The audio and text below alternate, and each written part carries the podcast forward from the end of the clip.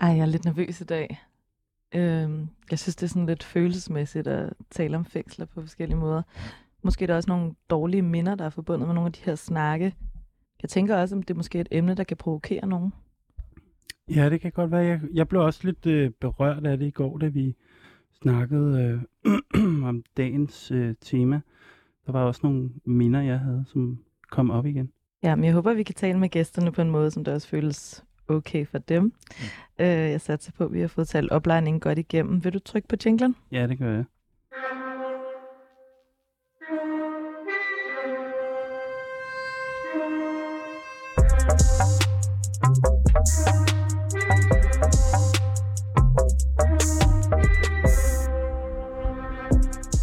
Mit navn er Eskil Halberg, og jeg kalder mig selv for kommunist. Jeg længes efter et andet samfund, hvor vi kan være frie i fællesskab. Jeg hedder Laura Henne Blankholm, og jeg er lidt skeptisk over at kalde mig selv for kommunist. Men jeg tror på, at forandringer skal skabes nedefra. Vi er begge vokset op i den neoliberale kapitalisme som den eneste virkelighed. Men vi lever også i en tid med krise og voksende global ulighed overalt, hvor vi kigger hen. Derfor må vi lave det hele om, og derfor må vi arbejde for en revolution. Sammen med eksperter, aktivister, kunstnere og kammerater har vi sat os for at genformulere en kommunisme for det 21. århundrede. En kommunisme med klassekamp, klimakamp og kamp mod racisme. Men hvad betyder revolution egentlig? Hvad kan vi se med fra historien, og hvad skal vi efterlade? I programmet jagter vi det mod og begær, som ulmer over alt. Vi skal finde ud af, hvad der skal rives ned, forløses og bygges op. Vi kommer til at tale om, hvordan et nyt samfund skal se ud, og hvilke strategier vi skal bruge for at nå derhen.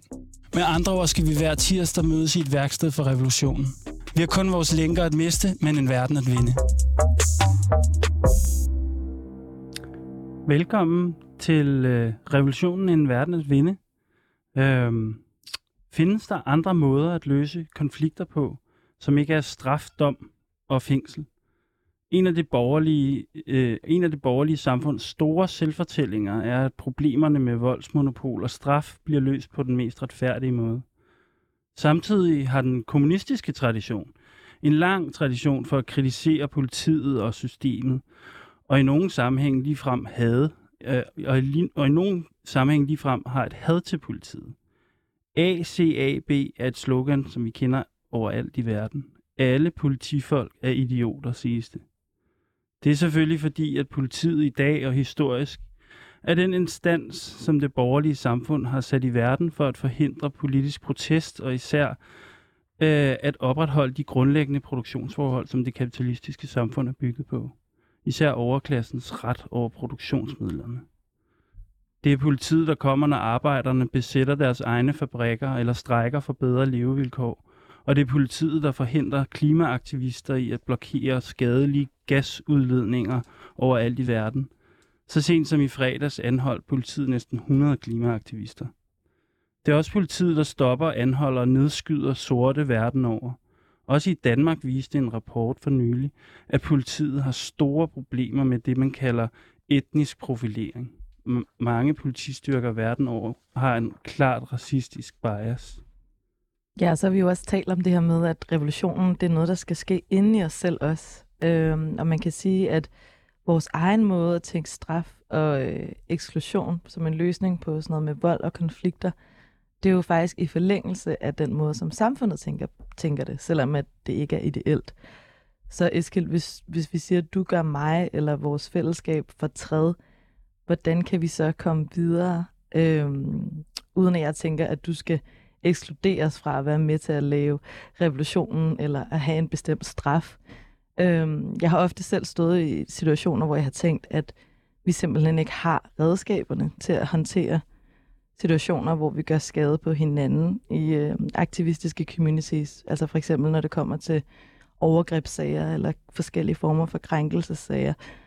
Øhm, men hvad er retfærdighed overhovedet, og kan et samfund uden politi og fængsler overhovedet fungere? Ordensmagt og retfærdighed for ofre for overgreb, det er et problem, som kommunismen for det 21. århundrede bliver nødt til at finde en bedre løsning på. En bedre løsning end den, der allerede eksisterer i det kapitalistiske, kapitalistiske samfund i dag.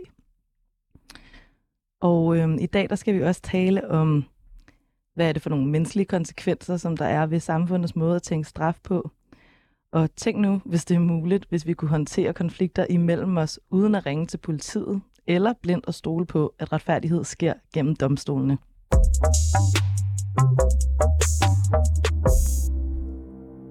Velkommen til dagens gæster, Andreas Rasmussen. Du er freelance journalist, forfatter og tidligere indsat. Velkommen til dig. Mange tak. Og også velkommen til dig, Merete Rikkelsen Gørding. Du er phd studerende på DPU, og så er du også en del af et netværk, som der hedder Genopret KBH. Velkommen til dig. Tak. Eskild, øh, er der noget, du vil spørge om? Ja, altså, jeg vil jo gerne høre om I er kommunister.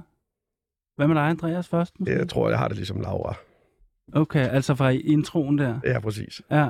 Hvordan Det- er det? Ja, men jeg tror, jeg har det sådan, at øh, når jeg, jeg tror, jeg plejer at sige, at hvis det er en anarkist, der spørger, så siger jeg, ja, jeg er kommunist, og hvis det er en kommunist, der spørger, så plejer jeg at sige, at jeg er anarkist. Den er god. Ud, udmærket. Hvad med dig, Merete?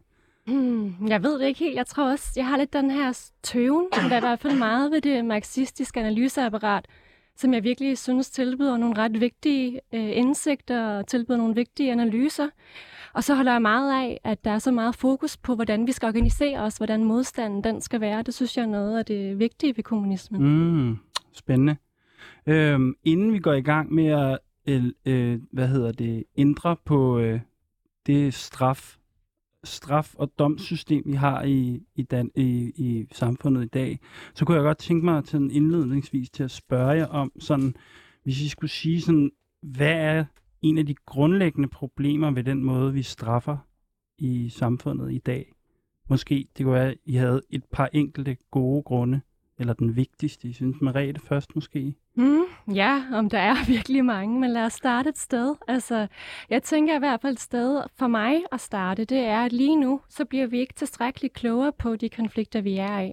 Vi bliver ikke tilstrækkeligt klogere på, mm, hvorfor opstår de, og hvordan kan vi blive bedre til at håndtere dem, så det ikke sker igen.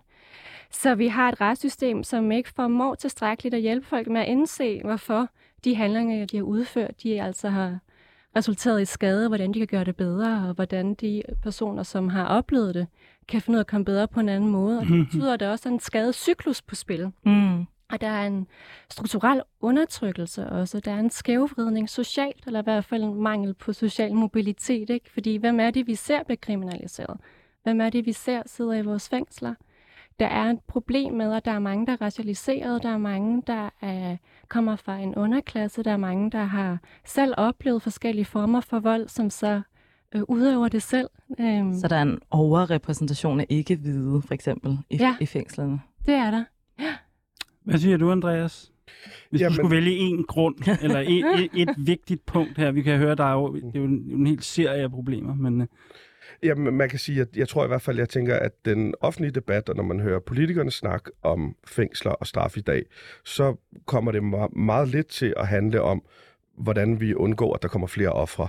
Og hvis vi gerne vil have, at der var, for eksempel var færre ofre for, øh, for vold, så, så må vi jo snakke om, jamen, hvorfor er det, der bliver udøvet vold i meget højere grad end at, øh, at ligesom drive ligesom, øh, symbolpolitik på det, hvor det handler om højere, højere og hårdere straffe, og, og generelt sådan en, en militarisering af, af, øh, af retsvæsenet. Altså, at, at, Mm. det, at alting skal være hårdere, og det ligesom skal være hårdt mod hårdt.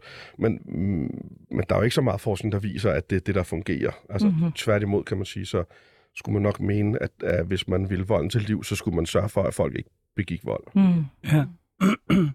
Udmærket. Det var jo en, en uh, god introduktion til en hel serie af problemer, som vi måske kan komme omkring nogle af dem. Øh, men jeg kunne godt tænke mig at starte med dig, Andreas, fordi du har jo en lidt, øh, en, en lidt særlig personlig erfaring. Øh, du har siddet i fængsel øh, tre gange, øh, en, og en af gangene var blandt andet i 2008, hvor du afsonede en mindre fængselsdom på 10 dage, og så i 2010 øh, så du varetægtsfængslet i 68 dage, og 40 af dem i isolation. Du var mistænkt for at overtræde øh, for overtrædelse af terrorparagrafen, og det var en sigtelse, som senere blev frafaldet. Øhm, men her indledningsvis, hvordan, hvordan endte det der øh, forløb der? Hvordan, hvad, hvad endte du med at blive dømt for? Jamen, øh, det endte med, at jeg fik fem måneders betinget fængsel efter, tror jeg, tre et halvt års ventetid, fire et halvt års ventetid fra, fra vi blev anholdt og indtil sagen ligesom endelig var afgjort. Øhm, og der var jeg blevet dømt for medvirken til grov vold og for øh, besiddelse af hackede oplysninger, ulovlig våbenbesiddelse og herværk. Sådan som jeg husker nu, det er, no, det er nogle år siden. Mm. Øhm, ja. Og måske er der nogen, der sidder og tænker, at det lyder, det lyder lidt voldsomt, det her. Vil du, vil du prøve at sætte et par ord på, hvad, hvad konteksten for det her ligesom var? Ja, Jamen altså, jeg kommer fra, øh, fra det autonome miljø og har været en del af den antifascistiske bevægelse, siden jeg var teenager, og er det stadig i dag. Øhm, og har i den forbindelse været involveret i en masse militant antifascisme, øh, konfrontationer og sammenstød med nynazister. Og øh, det var det, der ligesom øh, ledte til den her øh, sag, hvor der var en... Øh, en, en del rensagninger og flere folk, der blev varetægtsfængslet, Mhm. mm-hmm. og, og sådan en bølge af repression mod det antifascistiske miljø i, Mhm. mm-hmm. i København især øh, tilbage i 2010, og hvor jeg var en af dem, der var involveret. Men Jeg, jeg, jeg kan faktisk huske den her sag, nu du nævner den, altså at den gav sådan lidt genlyd, eller den fyldte noget i det øh, politiske miljø, jeg, jeg, jeg var en del af, og sådan, netop som du siger, den, han- den var, det var også lidt et angreb på folk, der var organiseret antifascister, og, og, og de satte lidt en, en eller anden form for frygt i gang om, hvad, hvad var konsekvenserne for at være organiseret osv. Men, men, øh, men jeg kommer også til at tænke på en lidt øh, dejlig ting i den forbindelse. Netop, jeg kan huske, jeg kan faktisk ikke huske, at jeg var med til at lave den demonstration, men jeg var, vi var i hvert fald ude til ved Vesterfængsel og, og øh, spille Celine Dion ind over øh, muren der, øh, til ære for blandt andet dig, tror jeg. Øhm, fordi vi havde ligesom hørt, at du var vild med popmusik og kærlighedssange, så, så gik vi derud en masse folk, og, og det var, jeg, sådan som jeg husker, det var der også nogle lidt nogle hårde gutter, som sådan prøvede at råbe lidt ud af, så hold dog, sluk for det lort, og sådan noget. Men det var, det var faktisk en meget sådan terapeutisk øh, øhm, demonstration, vi gik derude. Øhm, Kan du huske, kan du huske det med Ja, ja, Celine Dion? Jamen, jeg, jeg, jeg blev flyttet, faktisk den dag, hvor demonstrationen var, blev jeg flyttet til en anden afdeling. der, så, øh, så, og, det, og så blev jeg flyttet tilbage igen om aftenen, så det, det, var, det var nok ikke et tilfælde, jeg blev flyttet. Men jeg vidste ikke, demonstrationen var der, før jeg fik det Nå. at vide et par dage efter, men jeg blev meget glad, da jeg fik det at vide. Nå, så du missede det. Ja, det gjorde jeg. Ah. Men, men jeg havde en Dodo and the Dodo CD derinde, og det var næsten det samme som Celine Dion. Ja. Okay, udmærket. Altså, øhm, jeg tænker på, altså, vi skal, vi skal meget mere ind i det her med, hvordan det er at sidde i fængsel. Sådan, sådan, men hvad, kan du sige bare lidt mere om det der med, med hvad, er, altså, hvad er overordnet problemet ved at, ved at sidde i fængsel? Øhm, altså, Ja, det Hvad- man på, om vi, altså hvis vi snakker på sådan individniveau, altså Ja. det, er jo, det er jo ikke særlig rart. nej, Altså, øh, mm, man bliver på alle mulige måder hæmmet i sine sanser og sine indtryk, og man bliver for begrænset både sin bevægelsesfrihed og, og alle mulige andre friheder. Øh, men man kan sige mere overordnet, så, så er der jo, der er jo ikke nogen forbedring i det. Altså, når jeg siger forbedring, så kommer det til at lyde som meget sådan der 1800-tals øh, filosofiske. Det, det er ikke, fordi jeg mener sådan der, altså, skal alle mulige kloge mennesker komme og belære de dumme indsatte om x og y og z, og sådan her laver man matematik, men, øh, men man kan sige, at, øh, at det resocialiserende arbejde i danske fængsler er, og så ved jeg godt, at der sidder nogen fra Kriminalforsorgen, der vil sige det modsatte, ikke? Og se, vi har lige sat penge af til at ansætte yderligere fire socialrådgiver. Mm. Men det er, det er jo ikke eksisterende. Altså, Mm. du, du, man bliver... Mm, jeg tror, at Torkel Lausen, han skrev en bog, der hed øh, Fra forbedringshus til parkeringshus. Mm. Til parkeringshus? Det blev den kaldt. Det, Okay, det tror jeg, det er ja. jeg ret sikker på, at titlen. Og det var sådan på en eller anden måde meget sigende. Altså indsatsen for, at de indsatte kommer ud og har bedre vilkår til at have nu siger jeg, et, et kriminalitetsfrit liv. Ja. Øh, det- den indsats er utrolig begrænset. Altså jeg mm. Kan huske, mens jeg sad isoleret, fik jeg tilbudt at have spansk en time en gang om ugen. Ikke? Jo. Og der, jeg var 23 år på det tidspunkt. Det giver ikke nogen mening, at en 23-årig, der ikke har en studentereksamen, ikke kan bruge sin tid fornuftigt, når man sidder der. Altså staten har kontrol over, hvor min krop er 24 timer i døgnet. Mm. Mm-hmm. Altså så gør der for helvede et eller andet fornuftigt med at give mig nogle, nogle vilkår til at øh, lade være med at lave ulovligheder en anden gang. Ikke? Mm. Og noget af det, du beskriver der, som Ma- Marete faktisk også var inde på før, det er det her med, at der har været nogle, nogle lidt forskellige sådan, tilgange til, hvad fængslet skulle, skal kunne. Mm. Øhm, men hvis vi forstår det i hvert fald i lyset af i dag, i forhold til det her med, hjælper det noget i forhold til, at folk ikke kommer til at begå kriminalitet, så kan vi måske godt måske konkludere, at det gør det nok ikke, eller... Jeg, jeg tror i hvert fald ikke, der er noget, der entydigt peger på, at dem, der har dårlige resocialiseringsvilkår i fængslet, de klarer sig bedre, når de kommer ud, end dem, der bliver udsat for store øh, resocialiseringsindsatser. Der, der vil jeg nok, uden at hverken være forsker eller, øh, mm. eller have gået på universitetet, så sige, at øh, mit bud vil være, at dem, der får de, de bedst mulige øh, vilkår for at, at have en kriminalitetsfri liv i fængslet, det er også dem, der ikke laver kriminalitet, når de kommer ud. Mm-hmm. Ja, det virker ikke tilstrækkeligt i hvert fald. Altså, der er en tredjedel af dem, der har fået en dom og har været i, i fængsler, som ligesom øh, får en ny dom inden for to år. Og så er der nogen, der siger, mm, the system ain't broken, fordi det er jo på en måde ikke engang det, som det oprindeligt måske skulle. Altså den her øh, resocialiseringstankegang er noget, som også er kommet ind i det altså siden øh, 1900-tallet. Men til at starte med, så er det jo en del af det her gengældelsessystem, det retributive konfliktsystem, hvor vi ligesom tænker retfærdighed lidt anderledes. Altså vi skal jo se det i forlængelse af et system, der eksisterede siden 2. Moselov. altså, mm. med, altså øje for øje, tand for tand, og så har det mm-hmm. været forskellige former gennem tiderne, og fængselsvæsenet ser vi for alvor siden 1800-tallet.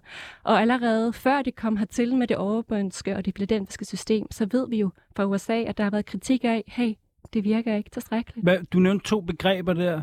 Det Orbønske system, ja, hvad, det hvad, hvad betyder det? system. Det er to fængselssystemer, som blev udviklet i 1820'erne i USA, og det ene system, som er det filadelfiske system, er det her totale isoleringssystem, som i høj grad er bygget op efter Benthams uh, panoptikon-system. Og uh, det andet, det er et system, som uh, også bygger meget på isolering, men der har man et arbejdsfællesskab, hvor man så faktisk er sammen. Men de to modeller har vi faktisk haft øh, implementeret i Danmark, så mm. Philadelphia i Fridsens Lille og Overbørn i Horsens, og vi ved en masse om de massive, massive konsekvenser, som det faktisk førte med sig. Mm-hmm. Alvorlige øh, psykologiske skader, som mm-hmm. folk fik af at være her. Mm-hmm. Man skulle rende rundt med masker på, man måtte ikke engang se hinanden, hvis man er ude på gaderne. Øhm, når folk så fik det lidt øh, altså fik det så dårligt, så kom de ind i andre anstalter, hvor de så kunne mm. få det bedre, fordi de jo var sociale med hinanden igen. Ja. Det er jo et basalt menneskeligt behov, det er jo tortur, når vi ligesom blev isoleret. Ja. Og så kom de så tilbage igen i fængslet, så snart de fik det bedre. Mm-hmm.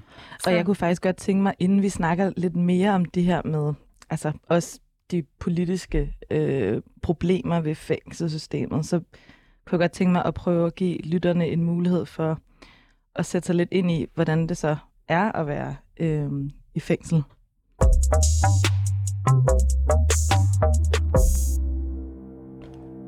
Hvis du har lyst, Andreas, så mm. tænker jeg på, øh, at vi kunne prøve at se, om vi kunne tage lytterne tilbage til øh, fængslet. Øh, ja. Så det er måske det her tidspunkt i 2010, som der er den her periode, hvor at du er i varetægt i 68 dage. Og 40 dage af de 68 dage, der er du i øh, isolation. Så hvis du bare starter med at, øh, at prøve at fortælle, hvor, hvor er du henne? Jamen, jeg er i øh, sydfløjen i Vesterfængsel. Vesterfængsel består ligesom, hvis man ser det op fra, at det ligner et kryds bestående af, af fire fløje, nord, syd, øst og vest. Og øh, sydfløjen er der både en modtagelsesafdeling, og så er der en isolationsafdeling på den øverste etage. Og øh, der sidder jeg i en celle, som tror jeg hed 258. Det, kan, det er, sådan husker jeg det. Det er længe siden. Øhm, og det er en celle, som er 6-7 kvadratmeter stor. Den er øh, sådan rektangulær. Øhm, der er rimelig højt til loftet. Der er nok 3 meter til loftet. Og der hænger en enkel øh, lampe i loftet, og så er der stengulv og øh, ly- lystmalet væg. Så er der et øh, vindue med trammer for, som er sådan ret højt op. Man kan lige, hvis man står på en stol, kan, nu er jeg kun 1,80 eller sådan noget, så øh, hvis man er høj, kan man måske godt kigge ud uden hjælpemidler. Øh, men der er trammer for vinduerne. Man kan godt åbne vinduet øh, og øh, stille sin mælk derud, så den kan blive holdt kold. Øh, så er der en sovesofa, som har meget sådan en følelse af at være noget fra en øh, institution i 70'erne, som man skal folde ud, som har sådan noget meget ubehageligt betræk at ligge på. Så hver morgen, så folder man sovesofaen sammen, og så kan man sidde på den i løbet af dagen. Og så øh, om aftenen, så folder man den ud igen og lægger, lægger betræk, lagen på. Er du i den øh, celle, som du er i, i øh, under, under varetægten, eller er det her isolationscellen? Det her det er isolationscelle, men det, det er de samme typer af celler i Okay. hele Vesterfængsel. Okay. Og hvad kan du ellers se? Jamen, øh, så er der et, øh, sådan et øh, skrivebordsmøblement, som også ligner noget fra 70'erne, hvor der er et skrivebord og et par skab og en, øh, en lille opslagstavle. På opslagstavlen må man have sin postkort hængende, hvis man har fået sådan nogle tilsendt. Jeg var rigtig heldig, der var rigtig mange, der sendte brev til mig, og det øh, apropos sådan noget med solidaritet, som vi sikkert kommer til at snakke mere om senere. øh, så er der et fjernsyn, hvor at der er en del kanaler, øh, og så er der en ghetto blaster, Øh, så er der et lille køleskab. Og hvornår, hvornår tror du, det her er? Altså det her øjeblik, som vi er i lige nu. Hvor, Mm. hvor lang tid har du været her nu? Jamen, det er nok i slutningen af isolationen. Der var det, det var der, det var mindst sjovt. Det var i hvert fald der, at det begyndte sådan for alvor at få, øh, få de værste sådan mentale konsekvenser. Øh, eller det, det ved jeg sgu. Det var nogle forskellige konsekvenser. De første par uger, der havde jeg mange selvmordstanker. Øh, det har jeg også øh, skrevet lidt om tidligere, og det, jeg synes, det er vigtigere sådan at kunne snakke om, at, øh, at, øh, at det er noget, der eksisterer. Altså, og der må jeg sige, der er en massiv overrepræsentation af folk, der dør af selvmord i fængslerne kontra øh, befolkningen udenfor. Og øh, det er noget, jeg har skrevet om et par gange, og det øh, synes jeg ikke, at Kriminalforsorgen gør så meget ved, som de burde.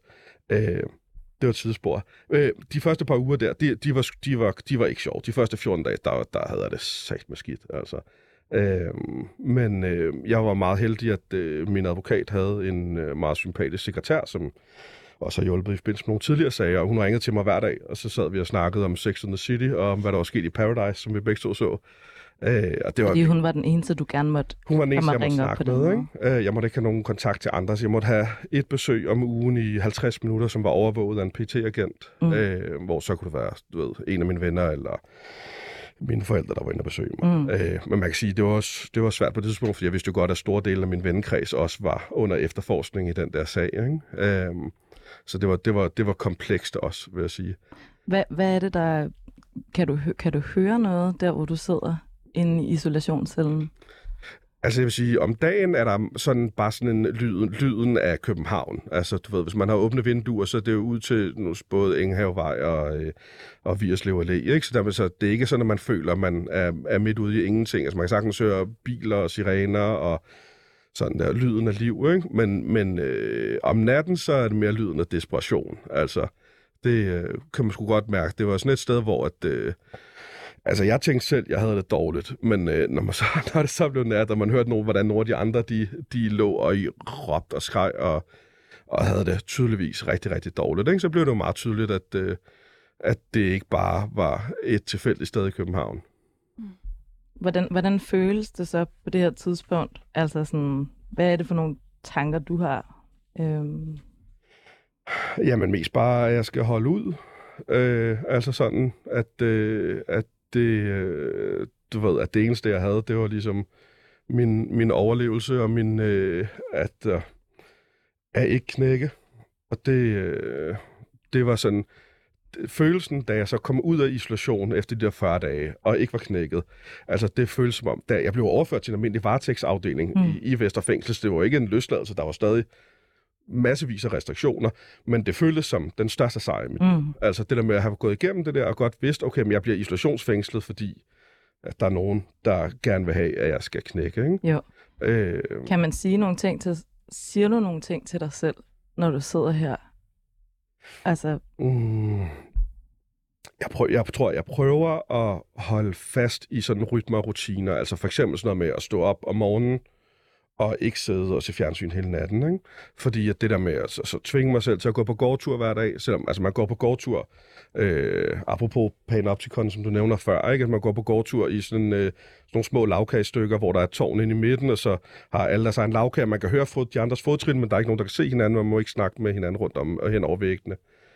Øh, så det er jo klart, det der med at, at prøve at have nogle rutiner at holde fast i. Ikke? Holde fast i, at man bruger det der lille træning. Der er en, en, var en anden celle på afdelingen, der var indrettet til træningsrum. Og når jeg siger træningsrum, så mener jeg, at der var sådan der mm, to 10 kilos håndvægte og en kondicykel. Ikke? Altså det var ikke sådan Fitness World, vel? Øhm, Og det der med at, at prøve at tvinge sig selv til rutinerne, men altså man kan sige, øh, den der, der opstår meget koncentrationsbesvær. Det, det vidste, jeg vidste ikke selv, at det var mm. et symptom på isolation. Det har jeg så fundet ud af efterfølgende, at det var ikke var noget, jeg var alene med, men det her med, at når du ikke har snakket med nogle mennesker i tre eller fire eller fem uger, så er sådan ens evne til fokus og koncentration, altså den går drastisk nedad. Det var det endte med, at jeg kunne ikke overskue til fjernsyn. Nej. Og det har jeg ellers været god til før. Ja. Sige. altså jeg har gennemført Dawson's Creek, ikke? Øh, men... Øh, men øh, det, det, kunne, det kunne jeg sgu ikke... Øh, altså, jeg kunne, jeg kunne ikke... Til at starte med, så kunne jeg ikke se en film, og jeg kunne ikke læse en bog, vel? Og så gik det ligesom bare ned og bakke derfra, så blev det sådan, at jeg kunne lige akkurat overskue og læse små notitser i avisen, og det var det, ikke? Mm.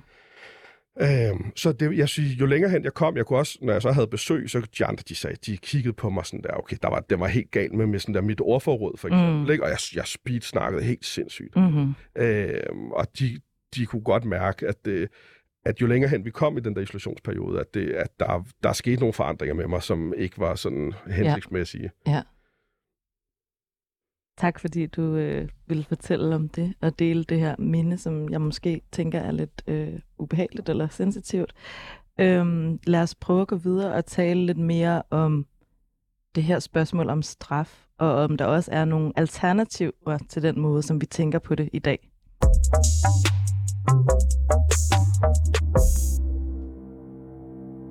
Ja, det var stærke sager at være være i øh, Vesterfængsel i isolation der.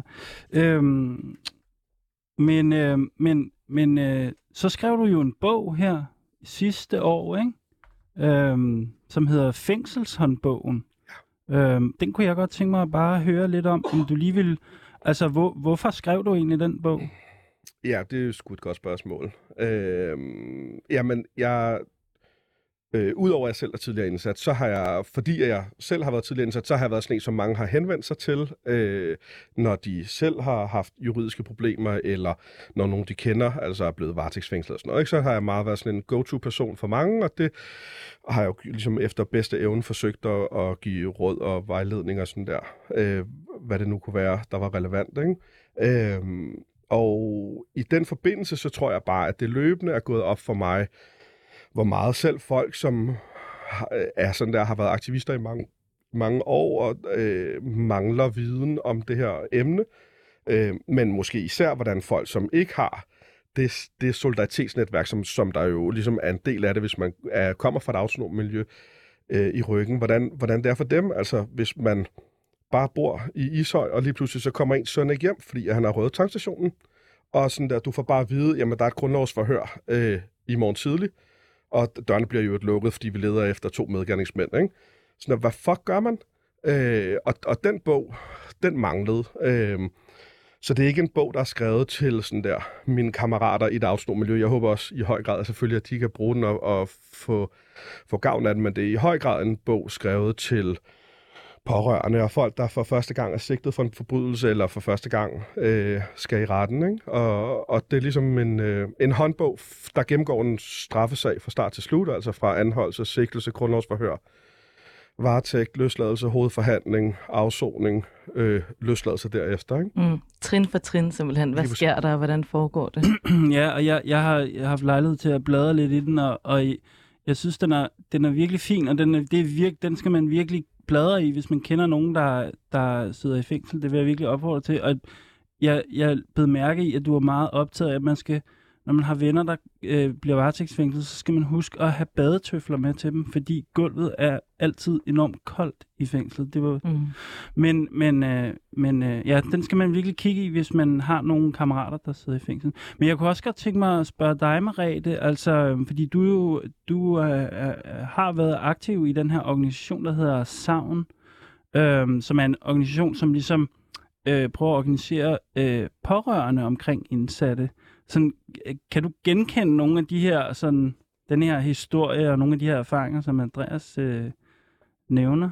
Ja, absolut. Der var et kæmpestort behov for den her bog. Den blev skabt og givet til verden, og øh, jeg synes, det er rigtig, rigtig godt, at den er her nu. Øh, for jeg oplevede i høj grad, at de øh, pårørende stod og var meget, meget rådvilde og søgte både øh, terapeutisk hjælp, øh, familiestøttet øh, initiativer, men faktisk også konkret viden om, hvordan fungerer retssystemet. Hvad betyder de her forskellige ord? Hvor kan jeg søge hjælp hen? Hvad er mine rettigheder? Hvilke andre grupper findes der? Hvor er mine personer? Så hele det her orientering, det, det her kompas, som man på en eller anden måde manglede, det er blevet skabt i forbindelse med den her bog. Og jeg synes virkelig, at det er en kæmpe ressource og en kæmpe gave, også fordi den jo er tilgængelig øh, så man ikke bliver øh, mødt med en økonomisk mur heller. Mm. Man, kan, man, kan, man kan downloade den som pdf øh, online, øh, ja, så man behøver nemlig ikke at købe den. Og hvad, måske skulle vi lige følge op på det der savn. Hvad er det, hvad er det for en organisation? Kan, kan du sige lidt om, hvad, hvad laver den øh, organisation? Hvad vil det, altså hele det der, hvad, vil det, hvad er det at være pårørende i virkeligheden til, til en, der sidder i fængsel? Hvad er det for nogle slags problemer, man ligesom mm. døjer med? Overordnet skal man i hvert fald forstå, at straffen ikke kun rammer den, der har fået den. Øh, det er ekstremt vigtigt. Altså straffen rammer meget bredere. Vi går og tror, at det er et individ, der får en straf, men det er ikke kun det, der er tilfældet. Øh, altså når vi har familier, når vi har relationer, når vi har venner, hvis øh, forældre, hvis barn, hvis rigtig gode ven får en straf, så bliver vi alle øh, mødt med en masse sorg, frustration, måske skam mm. også. Øh, ja. Der er også meget omkring det her, der er yderst tabuiseret. Mm. Og vi bliver måske også rådvilde i ikke at vide, hvordan kan vi bedst muligt faktisk støtte den her person. Mm. Og vi har jo også nogle gange selv brug for at blive støttet i at støtte. Ja. Så organisationen tager primært udgangspunkt i familier og laver familierettede tilbud, fordi det typisk er øh, for børn til det der fokus på, men der er også partnere og forældre, som ligesom bruger øh, gruppen øh, og bruger øh, organisationen. Men jeg spørger om noget også, fordi jeg tænker på det her øh, stigma eller sådan tabu, som du siger, der måske kan for, altså være forbundet med det her med at kende en indsats. Øhm, det ved jeg, at du også har snakket lidt om, Andreas, eller du har været ret sådan intentionel omkring at prøve at bryde øh, det mm. stigma. Kan du, kan du prøve at fortælle lidt om, sådan, hvad, hvordan har du gjort det? Ja, altså, jeg har lyst til at først at nævne, at der findes en Facebook-gruppe, der hedder Hjerterum, mm. som er en øh, øh, Facebook-gruppe, der er drevet af en gruppe nuværende og tidligere pårørende til indsatte, hvor at man kan melde sig ind, og hvor at der bliver øh, ligesom er mulighed for at stille alle mulige spørgsmål og høre andres erfaringer. Og det er selvfølgelig, selvfølgelig at, at det Øh, Øh, det er jo ikke, fordi det er jurister, men det er ikke, fordi man kan få øh, den type assistance, men, men det er bare, der sidder en masse folk derinde, som har gjort så rigtig mange erfaringer. Og nu, jeg har, der er mange af dem, der har hjulpet med den her bog, og har, har stillet deres erfaringer til rådighed, og ligesom har sagt, okay, men at mange af dem har hjulpet med at læse den igennem, og kommet med indspark til, hey, det kunne være rigtig fedt, hvis vi også nævnte det her, fordi jeg har oplevet konkret sådan her. Ikke? Og, og jeg synes, at når vi har snakket, når jeg snakker med mange af dem og hørt deres oplevelser, så noget, der rigtig meget går igen, det er det her med, der er ikke noget sted at henvende sig. Altså, hvor, hvem skal jeg ringe til for at få hjælp? Og nu siger du selv, øh, Marita, at der er, det er sådan et bredspektret øh, vifte af spørgsmål. Det er altså både alt, som der handler sådan helt hårdt om økonomi og jura, mm-hmm. men så er det også alt muligt det her med det psykosociale. Ikke? Øhm, og det synes det har jeg i hvert fald været meget... Det har gjort stort indtryk på mig at opleve, hvor mange også øh, mennesker, som kommer med ressourcestærk baggrund, som oplever hvor svært det er at trænge igennem den her mur af tavshed fra myndighederne, og, og hvor svært det er at navigere i den her gigantiske labyrint af paragrafer og forskellige myndigheder.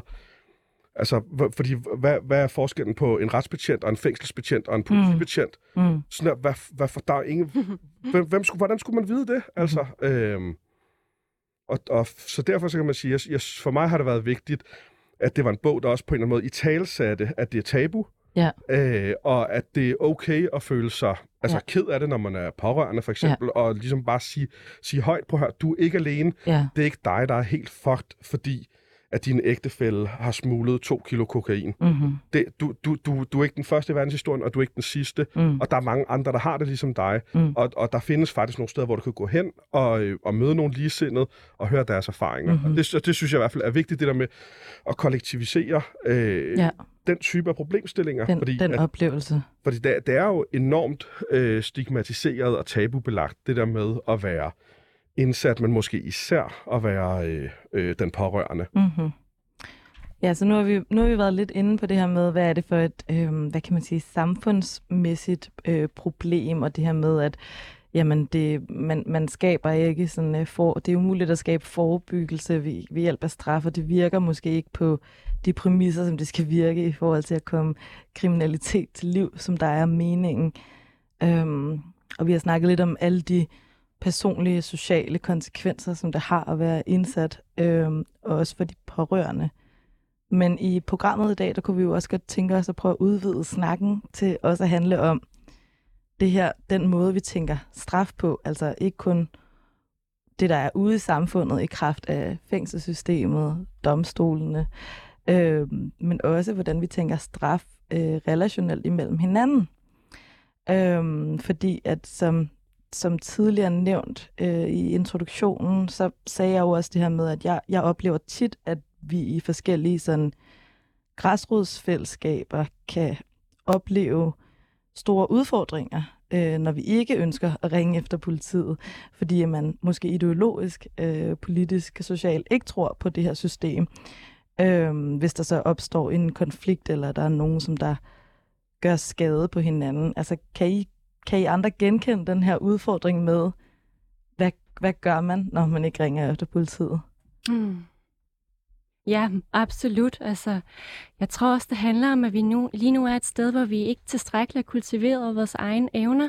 Så vi har måske en konkret indsigt i, at vi egentlig godt kunne tænke os at prøve at gøre noget andet, men ikke haft øh, nok plads, eller måske ikke haft nok øh, overskud til at finde ud af, hvordan kunne det her faktisk være. Vi er jo også lidt undertrykt af, at fængslet altid ses som den nødvendige svar. Altså, der er sådan lidt den her epistemiske undertrykkelse på spil, ikke?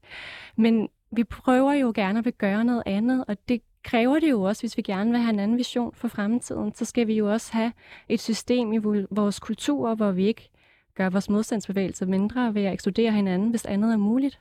Så jo stærkere vi ligesom kan stå og have, nogle, have en organisering, have en måde at overkomme og være i konflikter og forskel på, jamen jo stærkere tænker jeg også en modstand kan være. Jamen, det, det, det var bare, du spurgte lidt ud i rummet, Laura, om kendt til, mm. til nogle af de her øh, problemer. Jeg kom bare til at tænke på, øh, for det første kender jeg godt til de her typer at snakke om, hvad skal man gøre med, man holder en eller anden fest, og så er der nogle fulde mænd, der kommer op og slås, og man gider ikke ringe til politiet, fordi man lige har været til demo, og der havde man også brugt en hel eftermiddag på det, og så videre, og så videre. Hvad gør man så? Og sådan noget. Den, de, de, de slags situationer kender jeg godt. Men det, jeg kom til at tænke på, også i forhold til det, du sagde, Mariette, det var det der med, at tabuet omkring det her med fængsel og at være åben omkring, at man har været i fængsel, eller man har kammerater eller venner, der har været i fængsel, gør det jo også meget sværere at forestille sig andre måder at øh, håndtere det her øh, spørgsmål omkring, hvad fanden gør vi så, hvis vi, mm. hvis vi, hvis vi gerne vil have, at vi ikke bruger fængsler? Eller, mm. Mm. Øh, det kommer jeg bare til at tænke på. Ja. Øhm, men, jeg, men, men, men Mariette, du, du er jo også en del af denne her organisering, øh, som hedder Genopret KBH. Øhm, kan du ikke sige lidt om, hvad laver I i, i den forening der? Eller jeg ved ikke, om man kalder det en forening, en gruppe, eller hvad? Netværk. Netværk. Ja, eller? tit bruger vi ordet netværk, men ja. det øh, kan også være til debat nogle gange. Øh, vi laver forskellige artede ting. Vi laver både nogle øh, øvesessioner, hvor folk kan komme en gang om måneden, baseret i København i Folkets Hus, og ligesom træne forskellige måder at, at være i konflikthåndteringsprocesser ja, på. Ja, fordi du, øh, I har jo det her begreb om genoprettende retfærdighed. Er det ikke mm. det, I kalder det? Der er jo sådan flere forskellige termer udgå. Der er også nogen, der kalder det restaurativ retfærdighed. Ja, ja. det er sådan set det samme. Kan du ikke sige, hvad det, hvad er, hvad er det for et greb, eller hvad er det for sådan en straks øh, metode, er det måske? Ja, jeg tænker både, det er en tænkning, og jeg tænker, det har en praksis bag sig på den måde, det er meget intimt sammenflettet faktisk, hvad jeg også ser som en del af styrkerne, at vi gør noget andet ved at tænke det, og vi praktiserer det, og så tænker vi noget anderledes. Så der er sådan en mm. relation mellem praksis og tænkning, som er ret fin. Øhm, men jeg kan sige både noget om det paradigme, måske også om transformativ retfærdighed og community accountability, fordi jeg tror, det er vigtigt faktisk at få de forskellige paradigmer præsenteret. Og når du siger paradigmer, så øhm, hvad, kan man, hvad kan man oversætte det til? Altså er det nogle sådan tanke, tankemoder eller mm. sådan? Ja, tankegods, tankesystemer, ja. Ja. Øh, måder at tænke og gøre tingene på. Ja. Så det du siger, det er, at i Genopret København, der har I ligesom tre sådan centrale tankemoder øh, hvoraf den ene er genoprettende retfærdighed, og lad os starte der. Ja, lad os gøre det. Jamen, øh, jeg tror faktisk, jeg har lyst til at starte med, hvad en konflikt overhovedet er, fordi det er ret centralt for at kunne forstå, hvordan skal vi så håndtere det. Og øh, en af de ting, vi i hvert fald ofte øh, forstår ved konflikt, det er, at der er et bagvedliggende behov, som ligesom ikke er blevet dækket. Det er noget af det helt centrale. Det handler ikke kun om handlinger eller holdninger, det her. Det handler faktisk om, at der er noget bagvedliggende, som ikke er blevet dækket, og det skal vi virkelig prøve at tage hånd om. Så i det genoprettende, så prøver man at sige, okay, vi har en relation, hvor der er sket et brud, der er sket en konflikt, der er et behov, der ikke er blevet dækket. Hvis vi skal være i relation med hinanden, og men med afstand, måske er det nogle gange nødvendigt, at vi også rykker os lidt længere væk fra hinanden, men så skal vi faktisk have en håndteringsproces, der prøver at finde ud af, hvad for nogle behov er blevet øh, krænket her. Hvordan kan vi håndtere det, så den, der har oplevet skaden, faktisk oplever, at det er noget, der bliver taget alvorligt, og øh, den person, der har udøvet det, oplever måske stadig kunne finde ud af, hvordan kan jeg så komme tilbage igen, eller hvad er det, jeg skal arbejde med. Så det retfærdige her er sådan set i processen, hvilket jo er anderledes end det her retributive system, hvor det retfærdige jo ofte ses i, jamen, jeg skal anerkende se, at jeg har oplevet lidelse, og derfor skal den anden straffes. Så vi ser anderledes på, hvad det retfærdige hoved er her ja. i os. Ja. Så i stedet for det der, vi snakkede om tidligere med, at øhm, vores måde at tænke straf på, at det her er et, et øje for et øje, mm. øh, som der kom, hvad var det, du sagde fra Mosebog? ja. Det er det, man prøver på at, at introducere en anden tankemåde. Ja, vi prøver at introducere en radikal nysgerrighed for konflikter, nysgerrighed for hinanden, som også skal bistå i, at vi faktisk skal prøve at lære noget mere om hinandens kompleksitet og hinandens medmenneskelighed, og lære at være i vores fejlbarlighed som menneske, fordi vi, vi går alle sammen store fejl, og jeg synes selv, det kan være enormt kompliceret at være i konflikter. Øhm, men det handler ligesom om at finde ud af, hvordan kan vi skabe nogle betingelser, så det kan blive bedre. Og så sagde du, at, at der også var et, et andet begreb, transformativ ja. retfærdighed, som I også beskæftiger med. Mm. Så det transformative, det går ligesom ud på, at vi siger, jamen skade, der opstår i en intime relationer, hænger faktisk meget tæt sammen med det strukturelle også. Vi kan ikke bare kun kigge på de her relationer, vi er også nødt til at kigge på, hvad for, hvad for nogle øh, normer, hvad for nogle strukturer øh, er ligesom en del af, at det her det sker. Så det transformative beder os om at kigge på det retfærdige i, vi skal faktisk lade konflikterne informere den, det forandringsarbejde og de strukturer, som vi så senere skal søge at ændre. Så det vil sige, at det faktisk også handler om, at alle skal have høje nok ydelser, sådan så de ikke oplever, at mm. Øh, de er nødt til at stjæle. Mm. Vi sørger for, at der er rent drikkevand. Det er et basalt menneskeligt behov. Mm. Så det også i højere grad handler om at kære sig øh, altså på en ret radikal måde om hinanden, og mm. faktisk, at den omsorg er meget nødvendig for at kunne nærme os hinanden, og for at kunne blive bedre til øh, at leve sammen. Mm-hmm.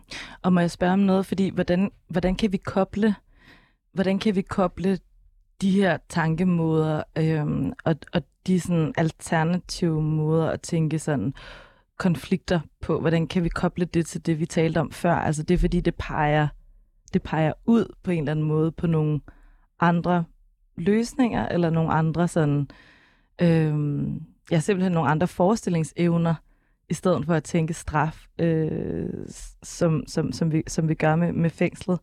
Øh, du har også taget en anbefaling med i forhold til det her med øh, restorativ retfærdighed, hvis man godt kunne tænke sig at vide mere om, om det. Ja, jeg har taget en ret god anbefaling med, synes jeg faktisk. Øhm, nogle af de helt store praktikere fra USA, Mariam Kaba og Andrea Ritchie, har været tilknyttet det center, der ligesom hedder Bernard Center for Research on Women.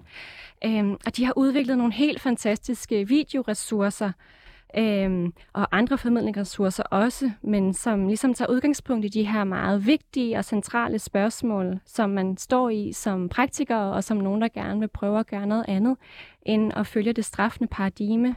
Så der er nogle korte videoer, der handler om, hvad er accountability, som man måske kan oversætte til forpligtende ansvarlighed på dansk. Øhm, hvordan kan man støtte folk, der begår skade i deres øh, udvikling mod at kunne være forpligtende ansvarlige?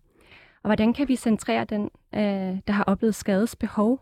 Og der er en stor fordel i, at der er den her diversitet af praktikere, for de kommer fra forskellige steder, og øh, nogle kommer meget fra sådan en crip øh, way of thinking, og nogle kommer fra BIPOC communities, nogle kommer fra andre former for communities. Øh, Og de kommer både med nogle erfaringer, som jeg synes er vigtige i forhold til øh, helt hverdagsnært tips, man faktisk kan bruge i at ændre små ting. Og så også som praktiker giver nogle rigtig gode tips. Og øh, når jeg i hvert fald har lyttet til de her videoer, så er jeg blevet ret sådan opløftet bagefter. Det har givet mig sådan en stor appetit. Kan du, ikke, Øhm, kan du ikke sige noget mere om, hvad er det, du bliver opløftet af der? Altså, mm. hvor, fordi det er jo også det, vi er på jagt efter her i radioprogrammet. Sådan, hvad er det for en... Øh, også fordi der blev nævnt før det der med, at det handler også om at f- overhovedet få nogle idéer om, mm-hmm. øh, hvordan fanden kan vi lave det her om. Ja. Jeg tror for mig, så er der også noget, der handler om at ture og fejle. Altså faktisk ture ikke at have svaret. Mm. som er et ret centralt øh, faktum, som bare er, når vi gør noget nyt, så kender vi ikke svaret. Ligesom det, du sagde med, at det er en, det er en praksis, og det er en teori, men at vi bliver nødt til at prøve at gøre det, og så Mm. ændre, hvordan vi forstår det, imens vi prøver at gøre det. Øhm, det har jeg i hvert fald, det tænker jeg i hvert fald på, da, da du sagde det. Øhm, Ja, det alternativ er også kun et alternativ, så længe det ikke er etableret. hmm. Der er også noget vigtigt og ret radikalt i det ufærdige, som blandt andet en, der hedder Thomas Mathisen, der er sådan en stor prison abolitionist fra Norge, har skrevet en del om, som jeg synes er meget inspirerende. Lad os tale lidt mere om det her med, hvordan vi kan bruge øh, genoprettende retfærdighed i praksis.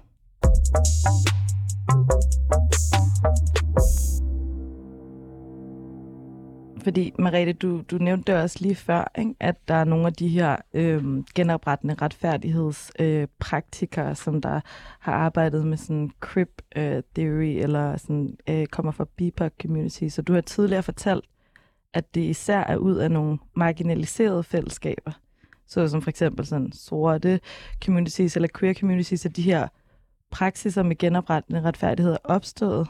Hvorfor tror du det er sådan? Ja, der har forske- været forskellige bølger i det historisk, hvor vi har set en stor udvikling, men lige nu så er der jo en massiv opblomstring af enormt kreativ, enormt nytænkende og enormt sådan nærværende måde at tænke andre måder at have communities og andre måder at gøre retfærdighed på, der opvokser eller der opblomstrer fra USA. Og jeg tror, det hænger meget intimt sammen med, at det jo især er øh, racialiserede mennesker, der oplever den vold, der er blandt andet ved politiet og ved at blive kriminaliseret og ved at være i fængselssystemet. Øhm, så det tror jeg er- er meget sammenhængende med, hvorfor vi også ser modstanden vokse frem der. Der er lige også et konkret behov for ikke at ringe til politiet. Der er et konkret behov for at gøre noget andet, fordi der er en erfaring, der ligger her i, i at der er noget, der ikke virker. Så derfor så kigger vi på hinanden. Vi kigger ikke mod systemet, øh, når det er, at vi skal finde nye løsninger. Andreas, jeg tænker på, jeg tænker bare på, øhm, fordi at, øh, nu, nu har Marete jo fortalt noget om øhm, de her forskellige sådan, øh, tankemåder, der er i øh, genopret øh, København. Har du, har du hørt om, eller sådan tænkt over det her med sådan genoprettende retfærdighed? Ja. For at være helt ærlig, ikke særlig meget. Mm. Mm. Altså, jeg følger øh, genopret øh, KBH på, øh, på sociale medier, og Ja. der er rigtig mange spændende ting. Og, Ja. Men jeg, jeg tænker, at, at det er øh, helt åbenlyst, at det er den vej, der vil være interessant at gå, hvis man, hvis man sådan der kigger, også hvis man kigger på sådan øh, strafferetten i Danmark, altså sådan øh, domstolsvæsenet og, øh, og politiet og sådan noget. Altså det, det ville da være Tænk engang, hvis der var nogen, der turde det, ikke? Ja. Mm. Altså, Og hvad med det her med, at, altså sådan, at der er nogle af de her, fordi Mariette, Mariette, du har også fortalt om, at vi på en måde skal prøve at forstå, at nogle af de ting, som vi kæmper imod Mm. i nogle af de her politiske, aktivistiske miljøer, altså øh, kæmper mod øh, racisme, sexisme, alle mulige undertrykkende strukturer, at det jo også er noget, som der er, altså findes inde i os selv, og hvordan kan du prøve at sige lidt mere om, hvordan er det, vi skal tænke med det, eller hvorfor, Mm. er det, hvorfor er det vigtigt, at vi forstår det? Jeg tror i hvert fald, det er noget af det, der gør, at det kan være særlig smerteligt at opleve, når vi er sammen med vores øh, fælder, og at vi så ser de her systemer, som vi ønskede at være i, i helle for, øh, at de stadigvæk findes. Øh, så jeg tror, vi skal arbejde med at have en mere radikal accept af, at vi alle er i en læringsproces på forskellige stadier, og at vi lever i et samfund, hvor de her normer jo også bliver internaliseret inde i os, og vi desværre nogle gange øh, også gør brug af dem i vores handlinger, eller i hvert fald informerer vores handlinger i en eller anden udstrækning. Så jeg tror, vi skal blive bedre til at finde ud af at kunne arbejde med de her konflikter, øh, og erkende, at vi er på forskellige læringstrin i vores organisationer. Jamen, jeg, jeg kommer til at tænke på det her med, at, at det er jo ligesom en måde at tænke konflikter på, som er, Øh hvor konflikter ikke er isoleret til, øh, hvad ved jeg, for at genbruge mit eksempel fra før, ikke? To fulde mænd, der kommer op og slås i, til en eller anden fest eller et eller andet, ikke? Hvor mm. den, anden, en, den ene har givet den anden en på, en på bæret eller et eller andet, ikke? Mm. At det der lige, sådan som jeg forstår den måde, du tænker konflikter på, så er konflikt, den konflikt handler faktisk ikke kun med, om øh, Nej, de, to personers relation. Det, det ringer bare sådan en kommunistklokke for mig, ikke? fordi det er en, så handler det nemlig om at socialisere de her øh, begreber om retfærdighed, eller Hmm. hvad ved jeg. Eller, kan, du ikke, kan du sige noget, forstår du, hvor jeg vil hen? Altså, Ja, kan du ikke sige noget jeg. mere om, hvordan man tænker konflikter i, i, i de her, inden for de, den her måde at tænke på? Det jeg i hvert fald kommer til at tænke på, når du siger det, det er, at vi i højere grad skal prøve at kollektivisere Mm. noget ansvar. Vi skal Mm. faktisk også kigge på de normer, de strukturer, som er de fællesskaber, vi er i. Mm. Og vi skal blive bedre til at finde ud af, men, hvilke normer og hvilke strukturer forhindrer skade i at opstå, og hvilke muliggør, og hvad inde i mig eksisterer og findes og kommer til udtryk, som jeg faktisk selv kan arbejde med, før vi i fællesskab kan opbygge vores egne ressourcer til at tage ansvar for, at der ikke sker en slåskamp til næste fest. Ja. Ja, nå, men fordi jeg tænker, altså, øh, der, der sidder nogle lytter derude og tænker, what the fuck, hvad er det? Det er noget helt vildt, øh, det her, ikke? Det der med, at, at, øh, at sådan ansvar øh, ikke er noget personligt, eller man ikke kan isolere et spørgsmål om stra- straf og retfærdighed til én person. Mm. Mm. Altså, det er jo en virkelig, øh, det er jo en virkelig, virkelig vigtig pointe, tænker jeg. Det er, nu Ja. bliver jeg bare ved med at understrege den, og Andreas, du, øh, du rakte fingeren i vejret. Ja, nej, men det var bare nu, der har været alt det her ballade med Herlufsholm øh, kostskole her. Nå ja, her det sidste ja. tid.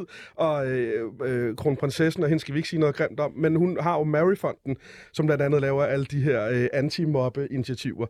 Og når, når jeg, de- venner, jeg har, der er skolelærer og pædagoger og sådan noget, når de snakker om det, så fortæller de det altid om sådan her, at når der er nogen, der mobber i en klasse eller en gruppe, så er det ikke mobberen og mobbeofferne, der er problemet. Det er, er, sådan, det er den kollektive struktur der. Og øh, jeg ved ikke noget om mobning, og jeg ved slet ikke noget om Herlufsholm. Men, men, øh, men det er bare, det er på en eller anden måde, så giver det så god mening, at så, selvfølgelig er øh, rammerne rundt om en konflikt central for, hvordan, at, at, hvordan den der konflikt udformer sig, om den overhovedet opstår. Mm. Og at det er noget, man ligesom også kan arbejde med.